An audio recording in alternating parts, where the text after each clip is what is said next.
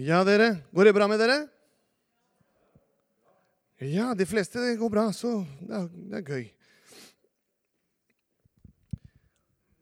Som uh, Rolf Harry var i stad her og delte litt av hjertet hans og, og egentlig situasjonen og status som ungdomsarbeid. da. Um, det er ikke meningen det på en måte jeg skal formidle i dag. At det, det er noe som egentlig også går i tråd med det som foregår i, i menigheten og generelt. Altså, det er ikke bare oss. Det er som Rolf Ari nevnte, det er hele Bamble og egentlig hele Telemark, Grenland. Det er trist, men uh, det er noe som, som, på en måte både når man ser situasjonen, og er nesten som krise eller kaos Man blir som mismodig og litt sånn åh, det måtte være så vanskelig. Og blir litt sånn Men jeg er i dag sammen med dere og håper virkelig at du har hjertet ditt innstilt til å ta imot det Gud har forberedt i denne dagen for deg og meg.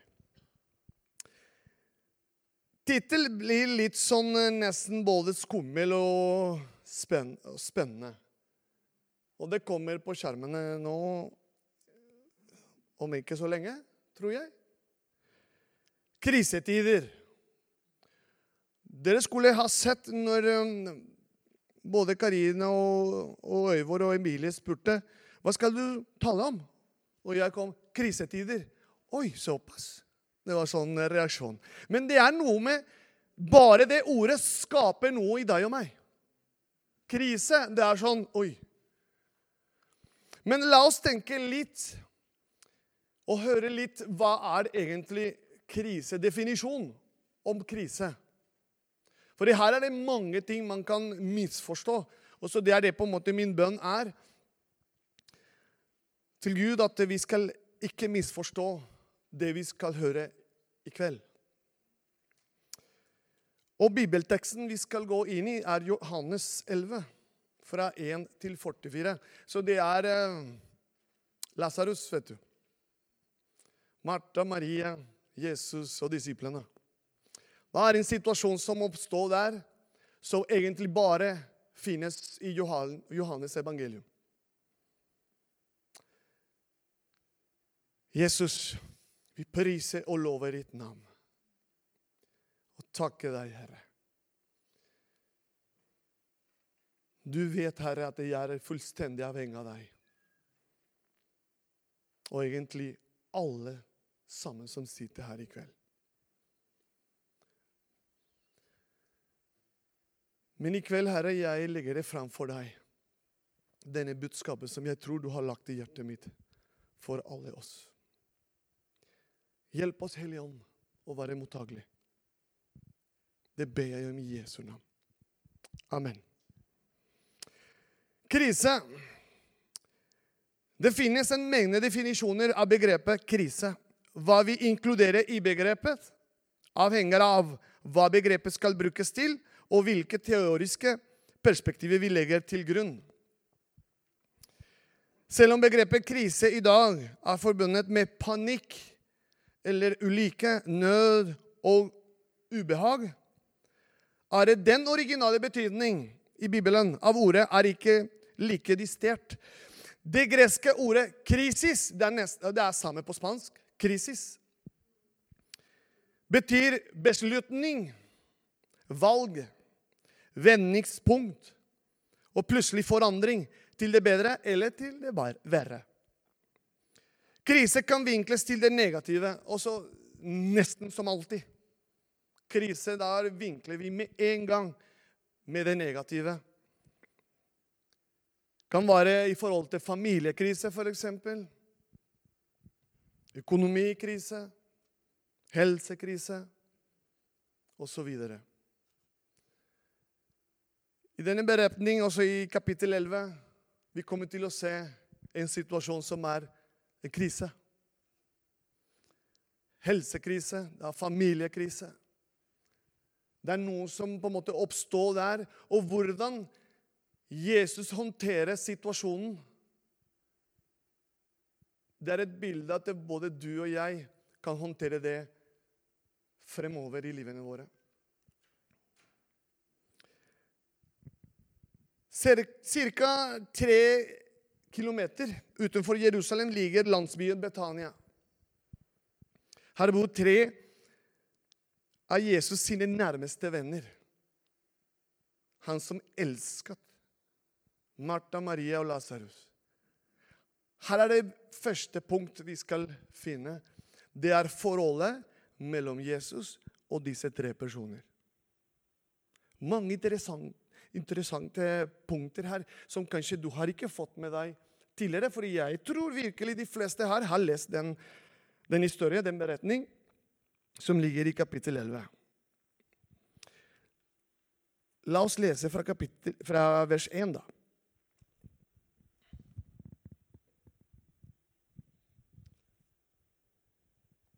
Det var en mann der som var syk, Lasarus fra Betania. Den byen hvor Maria og hennes søster Martha bodde. Det var den Maria som salvet Herren med velduftende salveolje og tørket føttene hans med håret sitt. Hennes bror Lasarus var syk. syk. Derfor sendte søstrene bud på han og sa, 'Herre, se, han som du elsker, er syk.' Da Jesus hørte det, sa han, 'Denne sykdommen er ikke til døden, men for Guds æres skyld.' For at Guds sønn skal bli herliggjort ved dem. Jesus elsket Martha og hennes søster og Lasarus. Jeg stopper foreløpig der, i vers 5. Vi skal gå gjennom andre versene her på den samme kapitlet. Men Martha, Maria og Lasarus Jesus elsker dem. Betyr at det er et forhold, solid forhold mellom dem. Jeg regner med at dere forstår at eh, både Martha, Maria og Lasarus trodde på Jesus, hvem han var på denne tiden. De ba til Jesus. De hadde samtale med ham. Jesus var ikke til stede, men de sender en bud til ham. La oss tenke litt at eh, ja, de sendte en bønn. I dagens realiteten i dag altså, vi ser ikke Jesus fysisk, men vi ber til ham fordi vi tror han er midt iblant oss. Er vi med? Og Det er det på en måte bildet som jeg ser her, at det er både Martha og Maria sender en bønn til Jesus. Og den bønnen kommer til Jesus, og han sier denne sykdommen er ikke til døden, men for Guds æres skyld, for at Guds sønn skal bli herliggjort ved dem. Lasarus er ikke sånn på en måte har en krise i sin helse, men det er en kjempekrise. Altså, han er alvorlig syk. Det er ikke sånn en små forkjølelse. Derfor Maria og Martha sender en bønn som du og jeg pleier å gjøre når vi er i en krise. Vanligvis gjør vi det.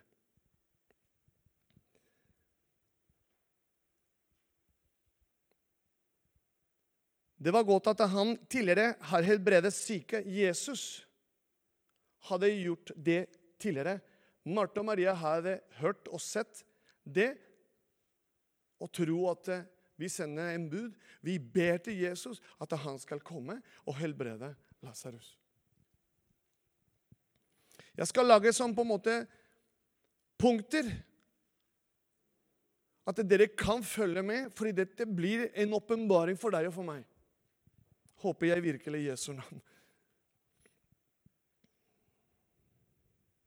De håper naturlig nok på at Jesus kommer til deres hus, legger hendene på deres syke bror, ber en bønn, og så blir Lasarus frisk igjen. Er dere med? Det er det Maria og Martha håper. Og den bønnen er ikke lang. Det er sånn uh, timevis uh, bønn eller bud. Det er rett og slett 'Herre, din venn er syk'. Marte og Maria forklarer ikke i detalj hvilken sykdom Lasarus har.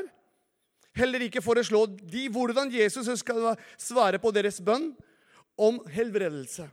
De bare legger fram selve problemet. Jesus, han som du elsker, er syk. I vers 3. Dere, hvor ofte er vi ikke fristet til å detaljere og forklare våre problemer for Jesus? Som om han ikke allerede kjenner til problemene dine eller mine. Hvor ofte, hvor ofte har vi ikke foreslått for Jesus hvordan vi mener? Og så liksom Vi mener han bør gripe inn.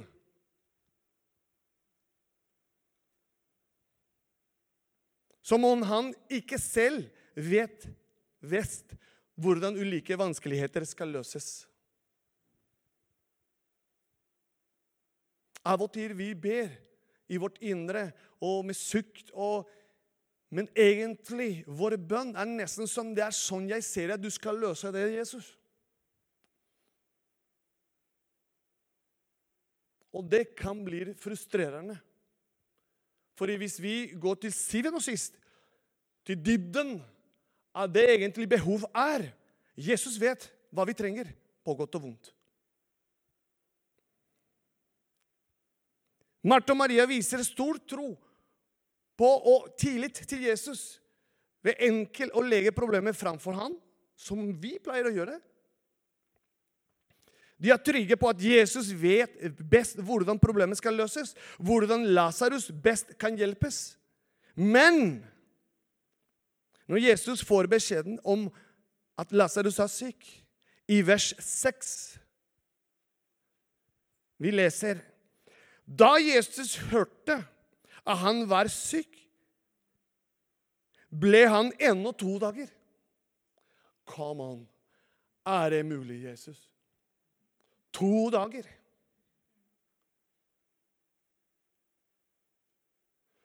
Her er det dine bestevenner, de du elsket. De som er trofast, de som går på gudstjeneste hver søndag, er på bønnemøte og ber til deg daglig. Og skal du ikke forte deg, Jesus? Han er syk. Nei. Han gjør ikke det. Da Jesus hørte at han var syk, ble han ennå to dager på det stedet han var. Deretter sier han til disiplene sine, 'La oss dra til Judea igjen.' Det er nesten provoserende. Når jeg leser beretning hele veien Her er det to damer som er desesperat for han, broren, som vil at Jesus skal løse dette. Når vi ber for noen, folkens Vi vil at Jesus skal gripe inn, og vi skal være ærlige så fort som mulig. Jeg vet at når Rolfari er her Julie har, delt, har formidlet hennes hjerte også i forhold til ungdommene. Jeg sjøl har pratet mye med Andreina og med lederskapet om dette med ungdompastor. Og vi ber, vet du. Det skal dere vite. Vi ber. Og vi ber. Men ting som, fore, som foregår der ute, det går imot at det på en måte vi ber om. Det er som økonomikrise. Hvordan vi skal klare dette. Det er som to dager. De måtte vente to dager. Det er nesten en evighet når de vet at det er en alvorlig sykdom som Lasarus går gjennom. Jeg vet ikke hvor lenge skal vi vente i forhold til ungdomspastor, folkens. Men vi ber. Og når vi på en måte er i linje med Guds timing, og vi legger oss flatt OK, du vet behovet. Og hver enkelt av oss går en eller flere runder med Gud i forhold til hva Gud har lagt i hjertet ditt i forhold til den saken med ungdomspastor, som jeg har ikke not i mine notater, men jeg legger det i parentes. Vi kan se etter hvert, for jeg kommer til å nevne etter hvert, på slutten av det jeg, skal ta, eh, det jeg taler til dere. Løsning av alt dette som kommer opp, det er noe med timing å gjøre. Han ventet i to dager. før han og disiplene bryter opp og drar til Betania. Gud av og til tillater situasjoner i våre liv. Hørte hva jeg sa? Han tillater at det av og til situasjoner oppstår i livene våre som kan riste oss, som kan ses ut som en krise. Det tillater Gud at det kan skje i både ditt liv og mitt liv med en hensikt, med en guddommelig plan. Og Det er det jeg ser her hele veien. Fra vers 1 til 44. Hvor i, også når han tillater situasjoner i våre liv hvor i våre øyne blir vanskelig eller umulig å se en på en måte god resultat av det På slutten av den situasjonen kan vi gi Guds ære hvis vi venter i hans tid som Jesus sa i vers 4. Denne sykdommen er ikke til døden. Slapp av. Men det er vanskelig å forstå det. Men for Guds æres skyld. Og så på slutten, ikke fra starten, men på slutten av hele prosessen, vi kan gi Guds ære.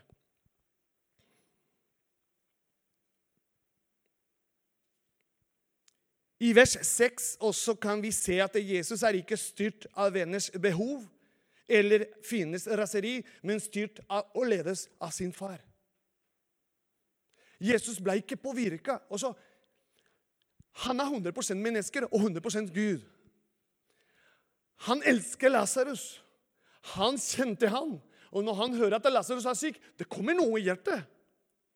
Men han er avhengig av hva Gud sier i hans hjerte først og fremst. Så han blander ikke følelsen hans til Lasarus i forhold til forholdet hans med sin far. Er dere med? Og her er det noe interessant. Fordi når jeg leser dette her Da Jesus hørte at han var syk, ble han en og to dager på det stedet han var. Deretter sier han til disiplene sine, 'La oss dra til Judea igjen.' Disiplene sa til han, 'Rabbi, Nylig forsøker jødene å steine deg, og så drar du dit igjen. Og så, ting som på en måte er imot egentlig er det vi i logikken tenker på. Jesus gjør det. Så går vi videre i alle de versene som står i kapittel 11. I vers 14, hvis dere følger med det står der. Så sa Jesus rett ut til dem, 'Lasarus er død. For deres skyld er jeg glad.' Han er glad. Det er ikke bare to dager, men han er glad i forhold til Sakkeus. Kom igjen, Jesus. Nå utfører du meg skikkelig. Hvor mange av oss har satt og bedt, og ting blir verre? Av den situasjonen du ber om. Hvor mange ganger? Kom igjen. Én, to, tre, fire, fem, seks. De andre Gud velsigne dere også. Da kan dere hjelpe meg også, hvordan dere løser det. Er dere med? Nei. Jeg tror alle sammen, på en eller en vis grad, det oppstår det i livene våre. At det blir bedre, og ting blir verre. Mørkere. Og vi av og til kaster håndkle. Orker ikke mer. Hvor mange av dere har gjort det? En, to, tre, fire, fem, seks, sju. Nei, en til. Ni. Ti og elleve. Det var bra, jenter. Dere er ærlige. Det var bra.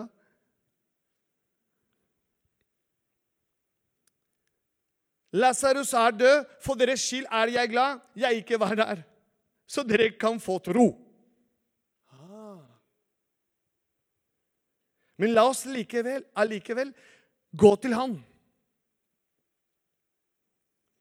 Og Så går vi videre i forhold til hva Maria, Martha og Jesus Altså den samtalen de her.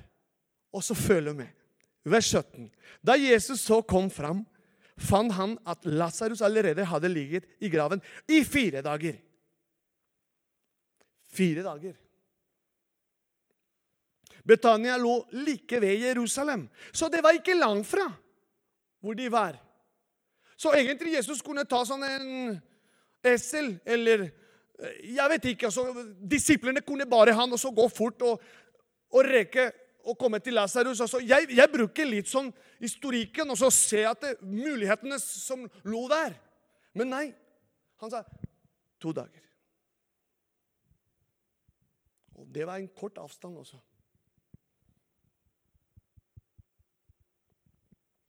Jeg håper Den hellige ånd åpenbarer dette til dere også, som han gjør i livet mitt. For alle oss som tror på Jesus, har nok en eller annen gang måttet kjempe med smerte og sorg, med fortvilelse over at Gud kjennes langt borte.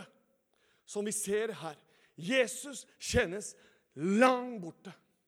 Selv om det var kort avstand. Hvor han var. Han tok to dager. Og det kjennes Jeg kan anerkjenne det med Marie og Martha. Hvorfor det? Du er så nært. Kom igjen! Nei. Kjempe med smerte og sorg, fortvilelse. At Gud kjenner seg langt borte. De har slåss med tvil og indre uro over at ingen bønner ble hørt. Sånn hører med til det å leve. For ingen slipper gjennom et langt liv uten å møte motgang. Sorry. Nei, ikke noe sorry. Det er sånn er livet.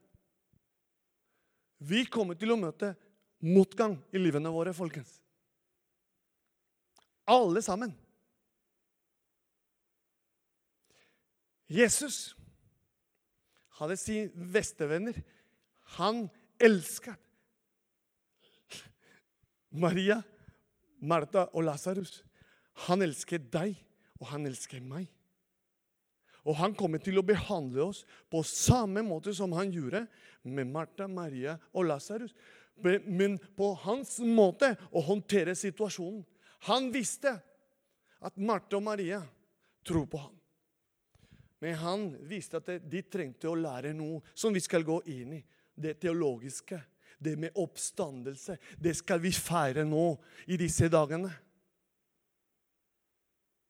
At det han måtte gå gjennom døden for å komme i oppstandelse og gi oss deg og meg mulighet og tilgang til Gud og evig liv.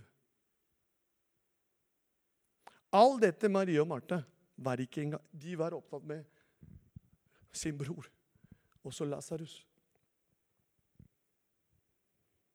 I vers 41 Vi, går litt, vi sporer litt de tok, da, da kommer det i, i vers 40. Jesus sier til henne, til Martha Sa jeg deg ikke at hvis du tror, skal du få se i Guds kjærlighet? Men før det Jesus befaler i vers 39 ta bort steinen.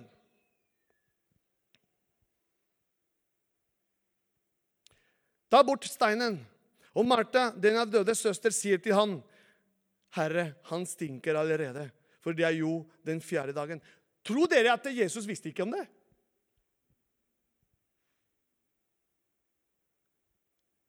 Av og til vi prøver å lære noe til Jesus i forhold til våre følelser og våre måter å tenke på. Det er det på en måte jeg ser her, Martha. Det er ikke noe galt med det. Men Martha legger fram sitt hjerte for Jesus. Ok, Jesus, hallo. Altså, realiteten er dette her.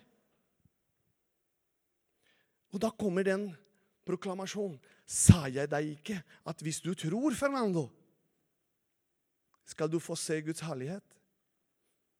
Sa jeg, sa jeg deg ikke, Fernando, at hvis du tror at jeg har kontroll over ditt liv over den situasjonen du sitter i, og du ber meg kveld etter kveld, skal du få se Guds herlighet.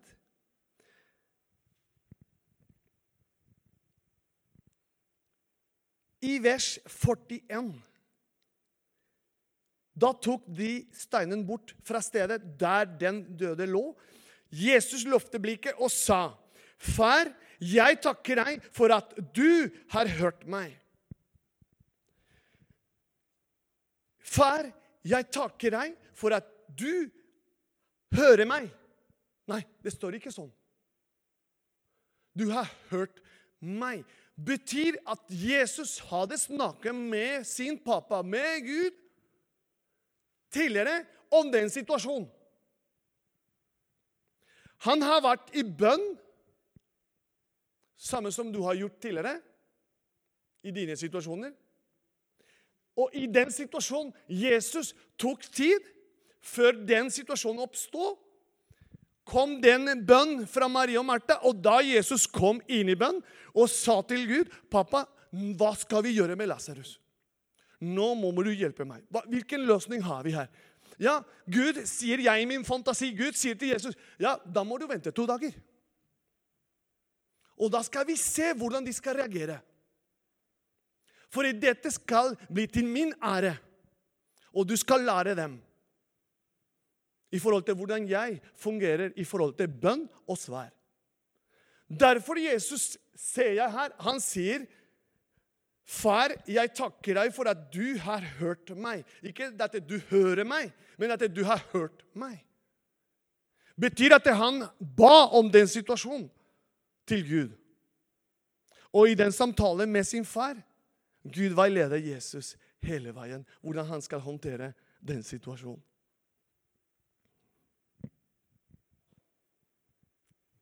Tro i aksjon, tro i handling i forhold til den steinen. Når Jesus ba ta bort steinen, da kommer lydighet. Da, da blir det som på en måte en Oi, men han lo der fire dager. Ta bort steinen. Jeg vet ikke hva er det som hindrer i livet ditt. Men når Jesus taler til deg, ta bort det. Mitt råd er å være lydig til han. Og så ser vi resultaten av det på en måte som skjedde med Lasarus. Jeg er nesten ferdig. Men når vi ser at Lasarus hører stemmen til Jesus Når Jesus sier 'Lasarus, Kom ut hit! Da kan komme den bildet Samuel. Ser dere at det, altså, Jesus ber Lasarus å komme ut? Og Lasarus kom ut levende. Er dere med? Han lever. Han har liv i seg.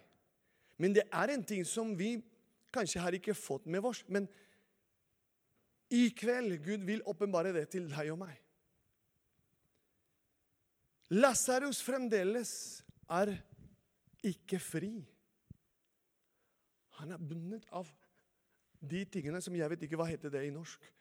Eh, bandasje. Det er sånn bandasje rundt han. Er det ikke det? Hva heter det som bandasje? Jeg fikk et tommel opp. Det er bra. Han er sånn. Han lever, han puster. Men han er ikke fri.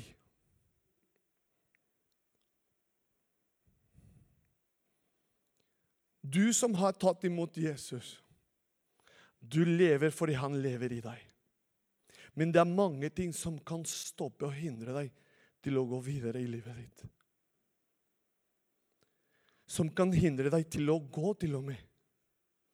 Til å bevege armen, til å si noe med munnen din, til å se situasjonen, fordi du er bundet av mange ting som vil hindre deg.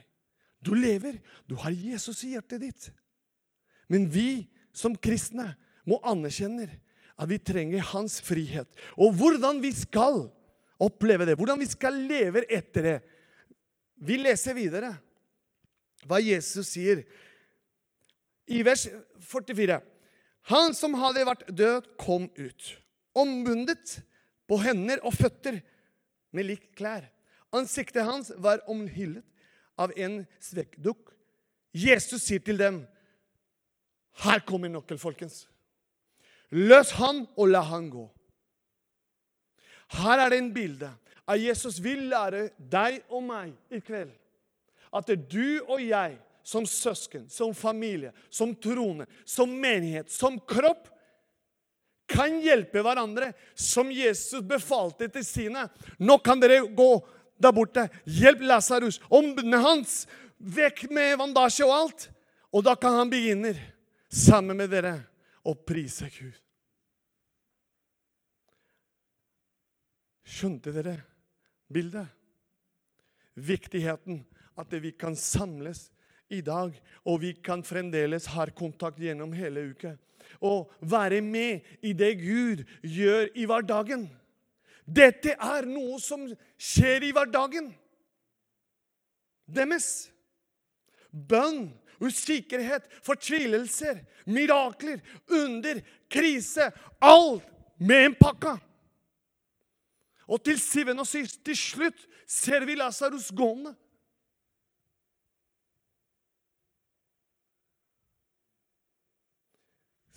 Merker dere prosessen fra vers 1 til vers 44?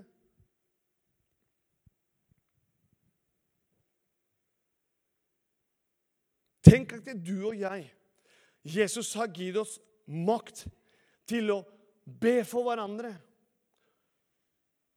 Og be om frigjørelse, gjennombrudd over mennesker. I hans navn. Som han gjorde her med Lasarus. Han kunne gjøre det sjøl. Han kunne gå til Lasarus og hjelpe Lasarus. Men han ga liv, som han har gjort med deg og med meg. Men han gir oss et bilde som menighet, som søsken, som brødre og søster, at vi kan hjelpe hverandre. Uten å være som litt forsiktig eller uh, flau eller Jeg kan med frimodighet. Og handler om ikke kulturen. Det handler ikke om kulturen at jeg er fra Sør-Amerika eller norsk eller hva kan det være. Det handler om å se hvordan Jesus og Gud vil. Vi som folk, hans folk, skal vandre sammen med ham og lære av hverandre når vi lider, når vi lider hans stemme. Karina og dere som er i lovsang, kan dere komme opp. En annen krise, en annen situasjon, jeg skal ikke gå inn i, men dere kan lese det hjemme. Det er Jesus i Getsemane. Der er det krise, folkens. I Matteus kapittel 26, fra vers 36 til 45 Her møter Jesus den største krisen i hans liv. Han skulle møte sitt egen lidelse og død. Jesus grude seg. Så mye til dette at i parallellteksten i Lukas står det at han svetter blod. Han hadde dødsangst. Min sjel er tignet av sår, sa han, inntil døden. Her er det krise. Men jeg skal ikke gå inn i det, fordi det er en lekse som dere skal gjøre hjemme. Da kan dere lese hvordan Jesus håndterer krisen. For å oppsummere han sier i sitt samtale med Gud La din vilje skje. Ikke mitt, men ditt.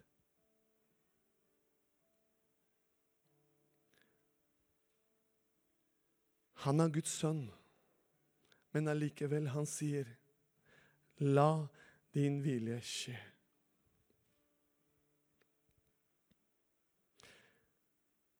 Til slutt krise kan være en tegn til det Gud holder på med deg og med meg i vårt vandring i hverdagen vår. Forme karakter.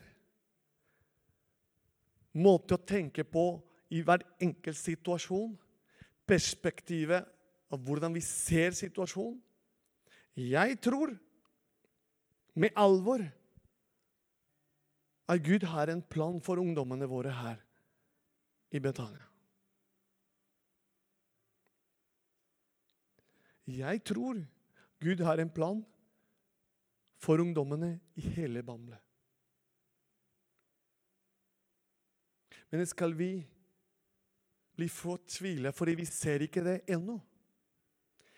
Jeg snakker for meg sjøl først, fordi jeg er det første som var fortvila noen dager siden. Men gjennom helga Gud konfronterte meg. Har jeg ikke sagt deg, Fernando? Hvis du tror Vi er mennesker. Og vi, er, vi opplever rundt oss så mye kaos, så mye krise, at vi blir påvirka. Jeg sier ikke at ok, skal du bare glemme realiteten. Nei, realiteten ligger der. Han var død fire dager. Martha sa det til Jesus. Han lå der allerede fire dager. Han stinker. Jesus visste om det. Jesus vet om situasjonen her med ungdommene. Jeg trenger ikke å si det engang. Det er opp til deg og meg.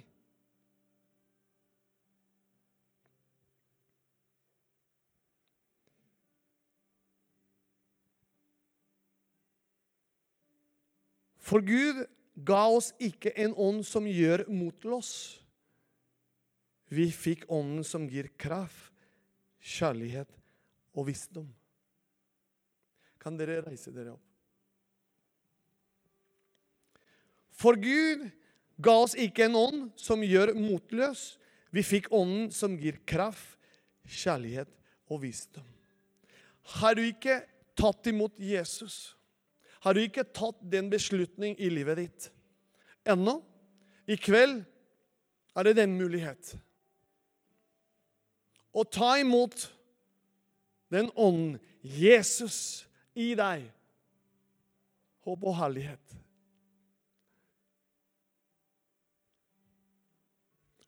Og kanskje du har kanskje falt, eller kanskje har glemt, eller kanskje har Jeg vet ikke hva, hva er det på en måte du opplever i kveld, men, men jeg kjenner at i kveld Gud tok oss til en helt annen måte i forhold til krise. Hvordan vi skal håndtere krise.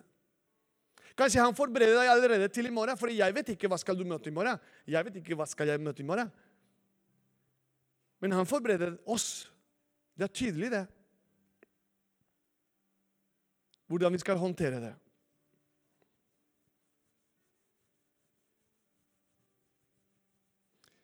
Til deg som opplever smerte og lidelse. Husk at Jesus var en mann vel kjent pga. han ble sløtt, plaget, var ensom og forlatt. Han opplever alle disse ting. Ingen vet om din smerte så godt som Jesus. Han er prøvd i alt. Vi priser deg, Jesus, og takker deg, Herre, for det vi har lært i kveld. At selv om vi lever, at selv om vi har deg, og vi lever, vi kan bli bundet, vi kan bli stoppa av mange hindringer som er i livene våre, som hindrer oss til å gå fremover. Hjelp oss, Herre, ved din Hellige Ånd, ved ditt ord, til å være lydig, Herre, når du ber oss gå som du har sagt til dine, til oss. Gå ut. Be for dem. Proklamere for dem i mitt navn. Jesus, hjelp oss som din menighet. Det ber jeg om i Jesu navn. Å, Herre, din ånd som gjør oss levende, den ånd som reiser opp fra de døde, Jesus det er samme ånd som bor i deg og meg. Jeg ber, Herre, du aktiverer ved din ånd vårt tro. At vi kan vandre frimodig, Herre, der ute. Det ber jeg om i Jesu navn.